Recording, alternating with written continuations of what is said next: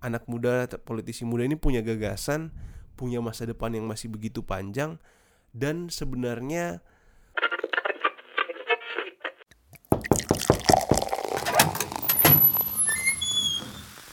Halo semuanya, selamat datang eh selamat mendengar kembali bagi yang sudah mendengarkan episode pertama kemarin tentang apa kita? tentang Netflix Eh serinya apa? serinya Cuan Ya, jadi cuan itu eh, kita ngobrol tentang cerita-cerita di belakang perusahaan-perusahaan Yep. terkenal lah ya. betul sekali Buat brand tahu terus, lebih lanjut, mm, Bisa langsung dengerin episode pertamanya. Ya, mari kita Harusnya bahas tentang gue promote dikit dong ya. Oh, Ini gue seri gue. Jadi itu sebenarnya tentang brand, perusahaan, bisnis di mana kita sebenarnya memang sih ada bahas soal bisnisnya.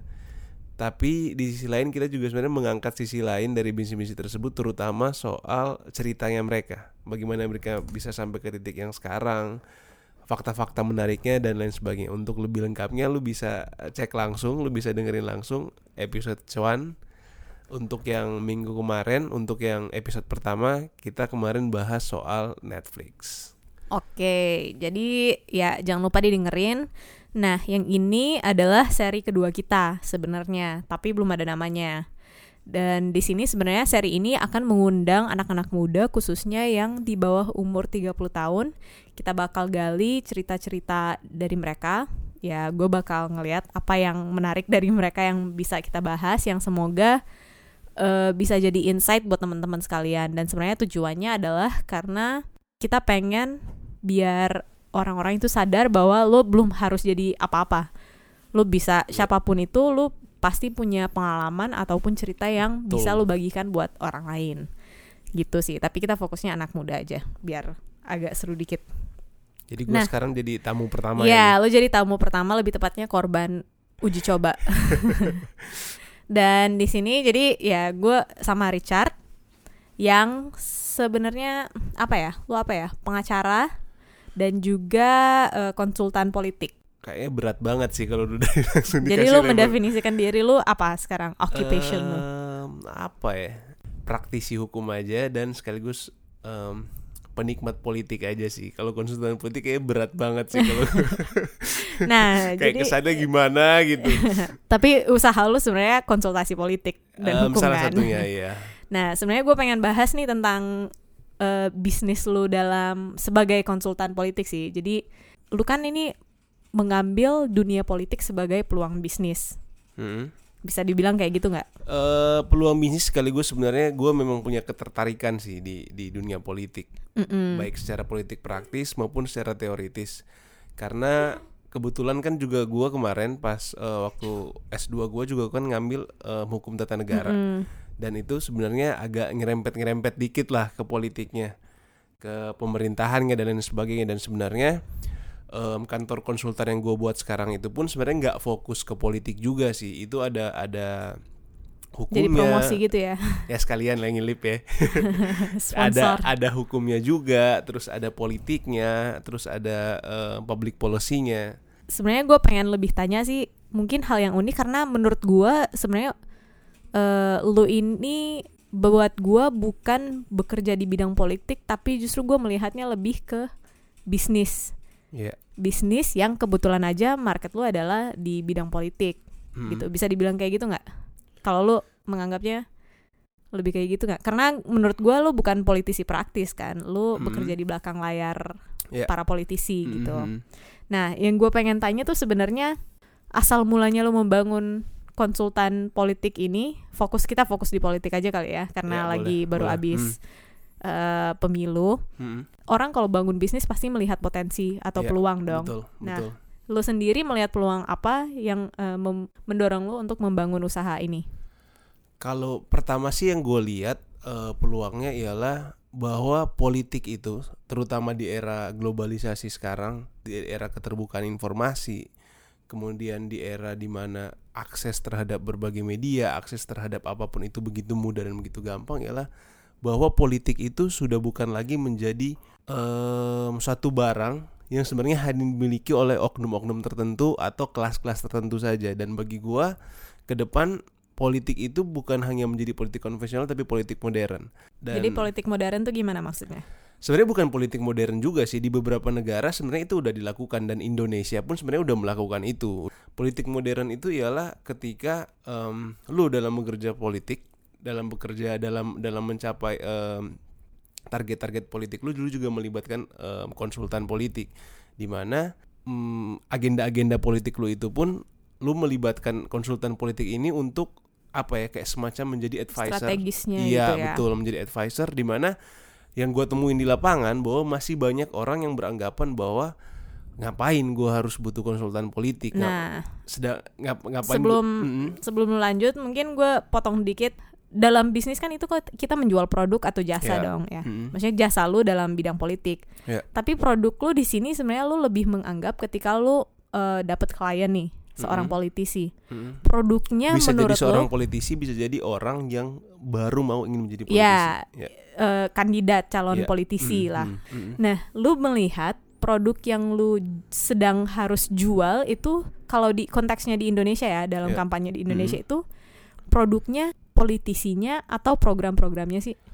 Em, sebenarnya keduanya sih Kat kalau lu tanya em, ketika gua mendampingin orang atau ketika tim gua mendampingin eh, seorang politisi em, yang akan kita lakukan ialah pertama itu pasti personal orang tersebut lebih ke Mm-mm. branding branding image-nya. Dan kedua apa yang akan dia lakukan ketika dia menjadi politisi atau ketika dia ingin melanjutkan mungkin untuk periode selanjutnya menjadi tetap menjadi politisi. Dan kalau lu tanya em, antara orang ataupun produknya kalau gue sih em, jawabnya keduanya sih Orang atau orang ataupun kebijakan ya maksudnya. program ataupun apa yang mau dia buat sekalipun memang semua keduanya berkaitan di mana program yang kita buat nanti atau program yang kita buat bersama nanti itu adalah merepresentasikan pada akhirnya profil dari si kandidat tersebut. Tapi Begitupun pengen sebaliknya, ketika kita membuat profil si kandidat tersebut A misalkan, Mm-mm. tentu itu harus berbanding lurus bersamaan dengan program yang nantinya akan dia buat. Jadi itu bukan dua hal yang dua hal yang, yang berbeda. berpisah. Ya, nah, yang tapi gue terpisahkan pengen sih. tanya nih, eh, menurut gue itu idealnya kan seperti itu. Ya. Gue sendiri kan melakukan sedikit polling kecil-kecilan dah di Ya. Instagram gue waktu eh, sebelum pemilu. Mm-mm. di mana gue menanyakan kepada followers gue eh yang pertama seberapa ngaruh sih debat capres dan cawapres Ya. terhadap pilihan lo dan apakah lu sudah menentukan pilihan eh, sebelum lu memul sebelum debat-debat ini dimulai Ya. dan eh, yang terakhir sebenarnya gue menanyakan juga faktor utama apa yang eh, mendorong lo untuk memilih. Nah dari hasil survei ini, setidaknya dari followers gue nih ya, Ya. yang ya pastinya secara statistik dan maksudnya untuk riset nggak bisa digunakan sebagai data yang valid-valid Ya. amat. Tapi Mm-mm. ini mungkin Setidaknya gambaran awal lah. gambaran awal. Dari hasil itu sangat kayaknya cuma 10 sampai 20% yang bilang bahwa eh, debat itu menentukan pilihannya. berpengaruh uh, uh, Hmm. terhadap pilihannya dan hampir 100% itu sebenarnya uh, sudah menentukan pilihan mereka sebelum debat dimulai Ya. dan bahkan ketika gue menanyakan faktor utama itu gue bisa bilang 95% mungkin menyatakan bahwa faktor utamanya adalah soal kepribadian beban sejarah intinya semuanya Penampilannya. penampilannya Hmm, intinya hmm. semuanya berkaitan dengan orangnya figurnya dan Hmm. tidak ada eh, cuman dua orang yang menyebutkan dari semua yang jawab hanya dua orang yang menjawab eh, kebijakan atau strategi Ya. pengembangan nah Ya. gue pengen nanya aja sih maksudnya kalau lu bilang tadi kan yang lu berusaha jual itu dua-duanya tapi realnya karena ini untuk presiden aja seperti ini jadi gue lagi eh, berusaha Nggak kebayang membayangkan kalau misalnya untuk apalagi legislatif doang gitu yang lain iya lah. yang orang Mhm. pengen tanya aja sih maksudnya kalau berdasarkan pengalaman lo kemarin di lagi pileg kemarin faktor paling utamanya tuh lebih berat ke mana sih dari sisi produk yang lo jual apakah politisinya atau programnya Ya.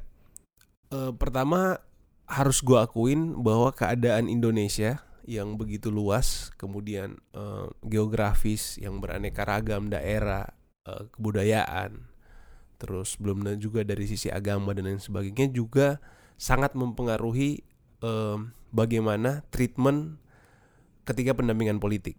Mm-mm. Nah, balik lagi ke pertanyaan lu yang tadi soal bahwa kemudian dari yang lu lihat dari survei sederhana yang lu lakukan itu ternyata yang lu temukan bahwa sebagian orang sebenarnya sudah menentukan sikap itu sebenarnya tidak lepas dari konteks dari mana mereka berasal sih. dari mana mereka berasal, kemudian bagaimana eh, status sosial mereka, kemudian bagaimana em, lingkungan mereka, bagaimana tingkat pendidikan mereka dan sebagainya. Menurut gua sih eh, harus diakui, memang Indonesia itu masih sangat kental dengan apa ya? Pertama itu identitas.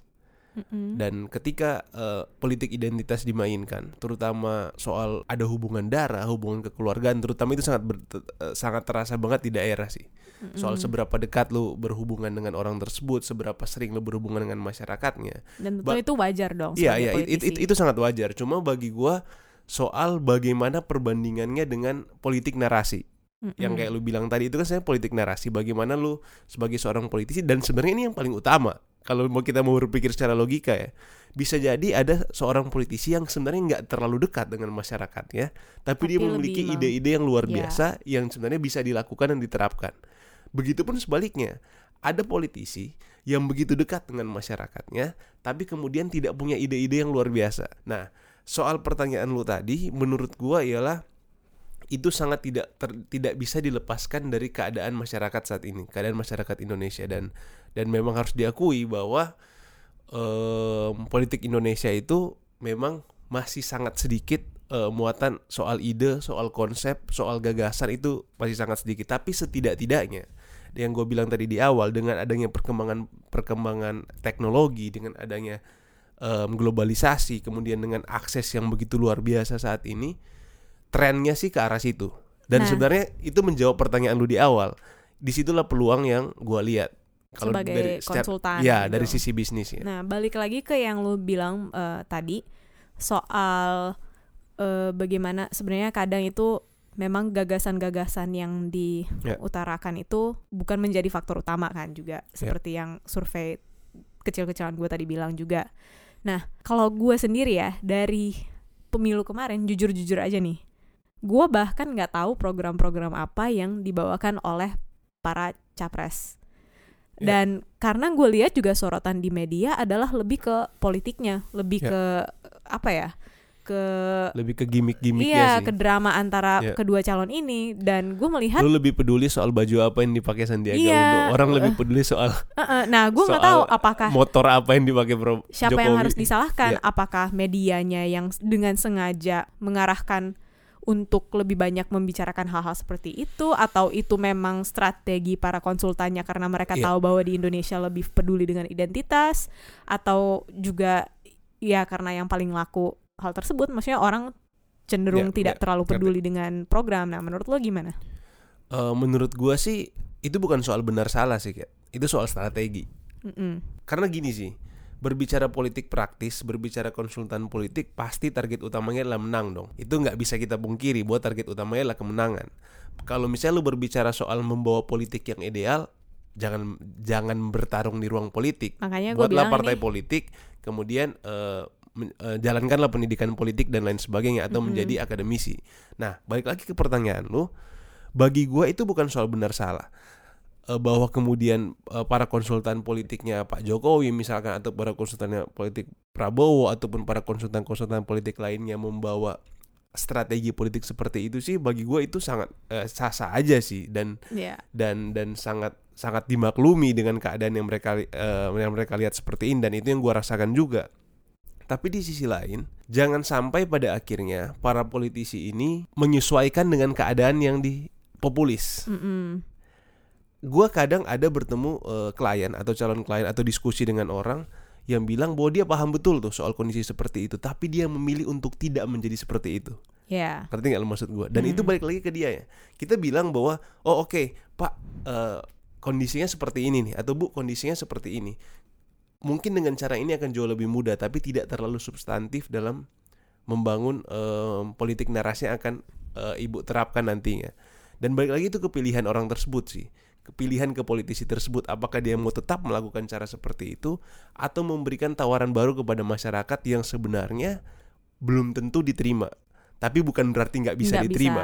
Mungkin proses, tahapan dan perjuangan yang harus sedikit lebih berat dibandingkan cara-cara yang yang tadi yang lu bilang politik identitas, Ya, dan, gimmick dan lain sebagainya. Eh, sebenarnya kalau lu melihatnya ya dari berdasarkan apa yang lu baru saja bilang, tapi ada nggak sih menurut lo influence atau seharusnya seorang konsultan itu berperan dalam mendidik rakyat ketika dia mengambil klien gitu, yang seorang politisi atau calon pemimpin rakyat.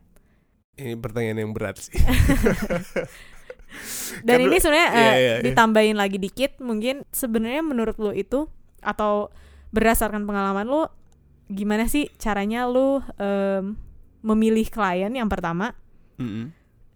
atau apakah dan juga apakah lo bakal menerima klien yang mungkin secara value, secara nilai em, setidaknya dalam bidang politik, secara em, visi Iya. itu tidak sejalan dengan lo. Jadi dua ini ke- berkaitan sih sebagai konsultan apakah lo memiliki beban untuk mendidik rakyat dan juga eh, bagaimana lo memilih klien Hmm, apakah hmm. ada pengaruh soal visi yang sama, nilai-nilai yang sama, gimana? Wah ini pertanyaan yang berat banget sih. Jujur ya. Gini sih, Kat. Em, saya pengalaman gua bahwa pertama harus dipahami bahwa ini bisnis Iya. dan harus gua akui itu. Ini bisnis, ini usaha. Ada orang eh, dalam menjalankan usaha tentu eh, membutuhkan biaya operasional dan lain Mm-mm. sebagainya.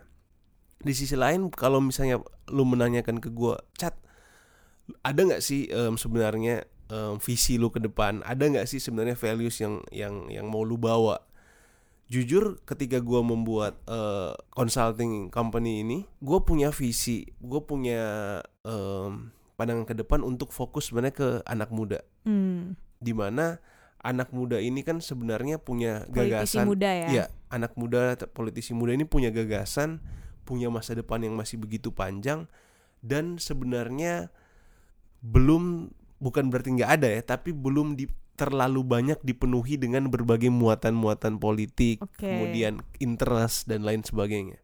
Pada akhirnya ketika Masih Iya, idealis iya, lah ya iya. cenderung. Jadi pada akhirnya ketika kita konsultan masuk kemudian eh, memberikan pendampingan akan jauh lebih mudah. Karena apa? Sebenarnya mereka itu bukan datang dengan pemikiran yang kosong. Sebenarnya mereka bukan datang dengan ideologi yang kosong pada umum yang gue temui ya. Mm-mm. sebenarnya mereka udah ada.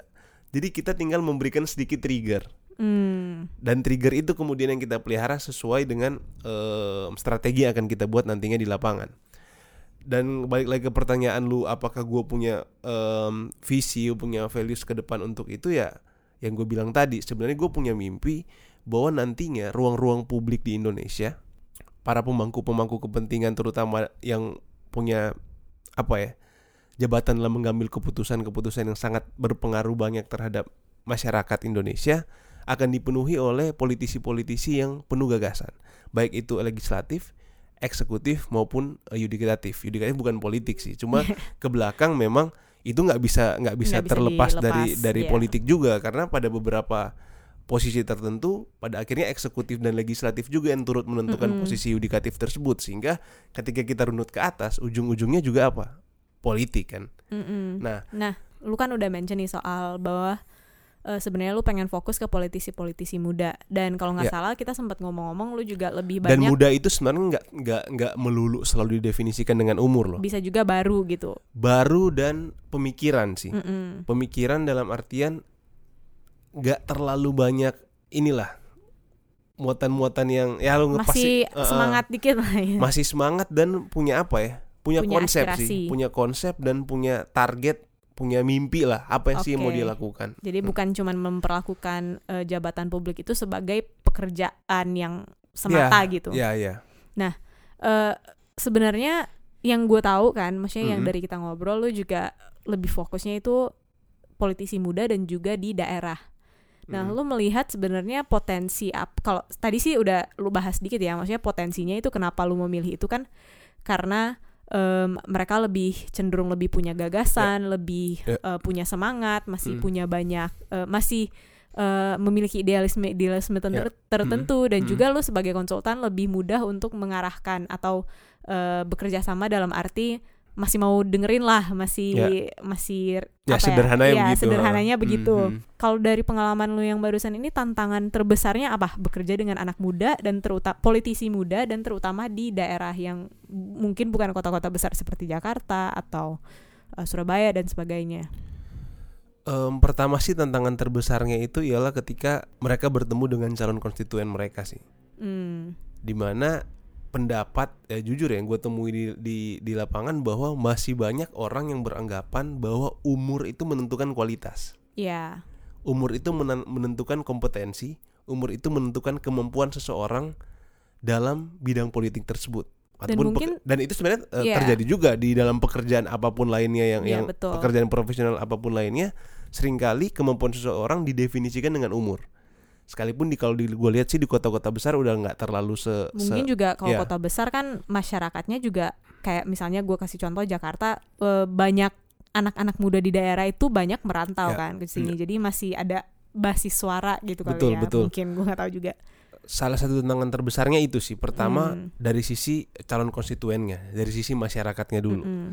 yang kedua untuk dari sisi em, si kliennya tersebut si anak mudanya tersebut mungkin apa ya ada beberapa hal di mana karena mereka baru karena mereka eh, baru terjun dalam dunia politik dan di sisi lain juga mereka tentunya manusia eh, apa ya kadang mereka ada egonya sendiri.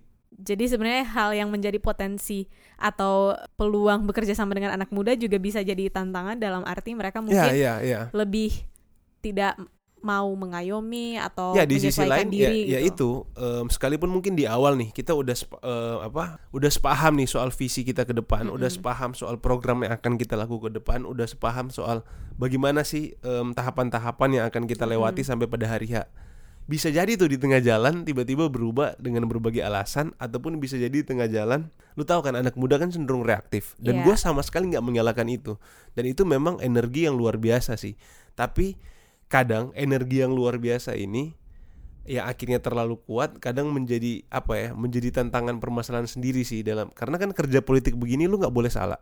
Kerja politik ini lu harus rapi kerja politik ini lu harus konsisten. Nggak boleh terlalu reaktif dan nggak boleh juga terlalu pasif. Iya. dan dan dan itu tantangan tersendiri sih karena lu tahu kan emosi anak muda itu selalu Iya, meledak-ledak dan gagasan mimpinya berbagai macam dan itu bisa menjadi hal positif tapi di sisi lain juga gue nggak bilang itu kekurangan tapi menjadi tantangan, Tantangan sih aja ya. Iya. Oke, nah gue pengen nanya sih, mungkin kalau di daerah kan, gue Ya. liatnya khususnya karena gue dari daerah juga itu money politics itu masih sangat eh, Ya. merajalela lah, maksudnya Ya, masih betul. sangat umum dan bahkan gue rasa juga bukan hal yang tabu di sana, hal yang Hmm, justru hmm. dianggap normal ketika zaman-zaman eh, pemilu gini. Menurut lu dengan mulainya budaya eh, para politisi itu lebih banyak menggunakan konsultan, memikirkan strategi bersama konsultan, apakah money politik ini bisa mungkin dengan kehadiran konsultan-konsultan politik itu yang Ya. lebih fokus ke strategi bisa lama kelamaan hilang atau gimana? gue menjawab pertanyaan lu dengan dengan apa ya pengalaman gue ya Mm-mm. Ketika gue beberapa kali ketemu dengan klien ataupun calon klien gue pitching soal bagaimana sih konsep em, konsultan politik dan lain sebagainya lu tau nggak? Pernyataan yang paling sering muncul ialah seperti ini. Dengan harga sejumlah itu mas. Dengan seharga sejumlah itu cat mending kenapa nggak kita langsung politik praktis Bayar. aja? Nggak nggak nggak nggak terang nggak maksudnya bayar sih. Iya. maksudnya kenapa kita nggak langsung memaksimalkan tim di lapangan aja daripada Mm-mm. kita harus eh, meng- menggunakan jasa lu sebagai konsultan ini juga sebenarnya tantangan tersendiri sih bagi gua untuk untuk mengconvince Convince. mereka dan meyakinkan mereka bahwa sebenarnya gini memang dari sisi angka dari sisi jumlah mungkin itu akan terlihat lumayan besar atau mungkin bisa sama dengan cara politik mereka yang sebelumnya mereka lakukan konvensional dan sebagai tanpa pendampingan betul-betul dengan cara sendiri dan sebagainya memang betul tapi di sisi lain yang mau gue bilang ialah oke lah di awal pertama di tahun pertama ketika lu pertama kali menggunakan konsultan lu akan mengeluarkan jumlah tersebut. Tapi yang selalu gue bilang dan gue yakinkan ke mereka bahwa ketika ini lu lakukan dengan konsisten karena kan selalu yang kita lakukan itu kita bekerja beberapa bulan sebelumnya. Sebelum di instan mana lah. iya di mana beberapa politisi lain kan melakukan dua bulan tiga bulan empat bulan sebelumnya. Kita bahkan pernah kerja hampir setahun sebelumnya di mana yang gue bilang kenapa biayanya begitu besar? Karena di 8 bulan tersebut ketika orang lain masih santai ketika orang lain masih tidur tiduran nggak melakukan apa-apa kita udah bekerja. Dan targetnya apa? Mungkin pada akhirnya ketika dihitung sama aja kok mas. Saya juga tetap kepilih kok sekalipun nggak menggunakan konsultan masih menggunakan cara saya yang lama. Iya. Pertanyaan gua ialah ketika lu mencalonkan lagi ke tahapan selanjutnya atau ketika lu mencalonkan lagi di tahapan yang sama misalkan di Mm-mm. tingkatan yang sama dalam perpolitikan lu akan mengeluarkan jumlah yang sama atau enggak di mana yang gua selalu buat ialah bagaimana kita konsultan membangun suatu platform politik dalam artian em, apa ya Fondasinya lebih Iya, kuat lah. fondasi yang lebih kuat sehingga politisi ini betul-betul punya grassroots, punya masa grassroots yang yang loyal. yang loyal dan kuat dan terutama memilih dia bukan karena di diiming-imingkan suatu imbalan, Mm-mm. bukan karena tapi diiming-imingkan memang percaya Iya, pada iya. orang tersebut. bahwa bu- dia memang percaya oh gue mau pilih lu karena lu punya gagasan gue mau pilih lu karena lu punya Mm-mm. mimpi gue mau pilih lu karena lu yang betul-betul mengayomi masyarakat datang menanyakan aspirasi masyarakat Bisa gue simpulkan bahwa sebenarnya menggunakan konsultan politik itu lebih kayak investment lah ya. Investment dalam Ya, modal politik ya ya gitu. ya ya Oke. bahasa marketingnya begitu sih Bahasanya kurang lebih kayak gitu. Eh. kan mungkin belum familiar tapi mungkin investment. sebenarnya panjang sih kan tapi karena kita terbatasan waktu Iya. kurang lebih seperti itu sih Kat Oke. yang yang jadi balik lagi ke pertanyaan lu tadi apakah itu akan mengurangi money politik ya menurut gua iya Di masa de- maksudnya seiring Iya. berjalannya waktu dengan karena kita di, memikirkan di sisi lain ya. masyarakat pun akan terdidik gua tambahin sedikit ya Mm-mm. lu kebayang nggak sih ketika semua politisi memainkan pola yang sama menggunakan konsultan politik ataupun pada akhirnya ketika mereka sudah mampu sendiri dan menggunakan pola tersebut soal politik gagasan dan lain sebagainya. Pada akhirnya pertarungan para politisi ini kan bukan soal uang lagi. Tapi gagasan. soal gagasan. Soal seberapa seberapa apa ya seberapa rutin seberapa tahan mereka untuk ketika mereka ber- eh, berkampanye di masa kampanye bahwa mereka menawarkan gagasan. Mereka akan Dan- terjun langsung ke masyarakat. di situlah peran mungkin peran konsultan dalam eh, mendidik rakyat kali ya kalau kita balik lagi yang kita bilang lagi. Ya gue agak agak agak berat sih kalau ngomong tapi oh iya, maksudnya eh, seiring berjalannya waktu mungkin akan eh, ya. ada dampaknya lah seperti itu. Ya mudah-mudahan sih. Kalau semuanya lurus-lurus aja. Iya iya iya. Oke ya, thank you chat dah sharing sama kita. Oke. Okay. Ya walaupun waktunya terbatas, tapi mungkin di episode-episode berikut bisa lagi kali. Ya. Oke, okay, ya. thank you juga okay. udah uh, mengundang gua. Terpaksa diundang. Oke okay, ya, sampai jumpa di episode berikutnya.